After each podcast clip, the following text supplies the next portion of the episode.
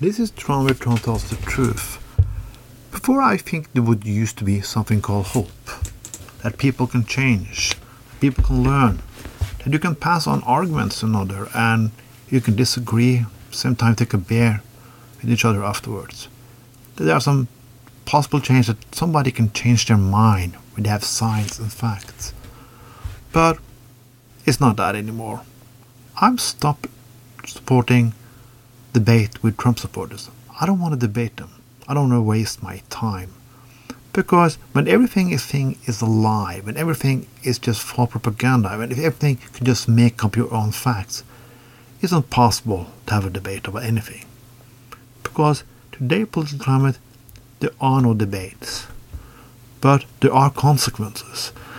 And you, you, before you can have a debate and people didn't listen, but when they saw the consequences, something happened. A lot of people didn't believe in environmental politics. They didn't believe there were climate change or anything. But when they were faced with consequences, Richard Nixon did something to stop air pollution. In the 80s, when Ronald Reagan was faced with the science about freon gas, how it destroyed ozone layer, he did something. Well, do I like Nixon? Do I like Reagan? No, I don't. But when we were tip of the of catastrophe, they did something because they saw the signs. Today, that doesn't happen. On climate change, they're burning of fires in California, it's burning in the Amazon. We see the consequences, but we don't do anything because everything is fake. It's gonna just fix itself. Yeah, it's gonna fix itself. To remind of the people who are still fucking around on the academic because they didn't think there were any consequences, things were just gonna fix themselves. This is gonna be harder and harder and harder because we see it in COVID 19 too. I tried to see the reason why people don't react more in the United States when over 200,000 people are dead. Over 200,000 people are dead. Do you remember when was four people died of the disease or during Obama when? Yeah, you remember.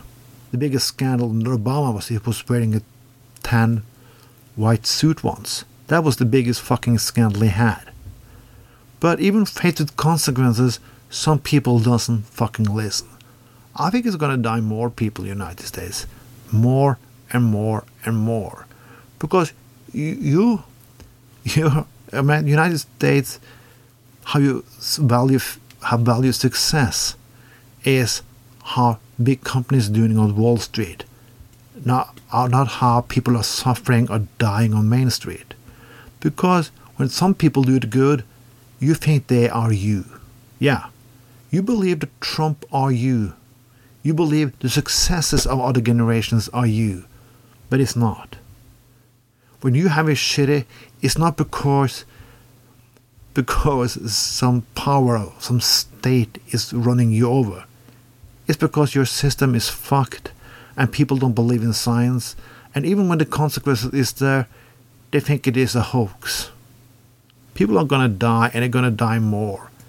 And people still gonna make the same excuses again and again and again. I don't know how to pronounce it, but this shit is going on. It's like Germany in 1945. People were still fighting, believing they could win. When they saw the consequences of what was happening, they were then going to lose.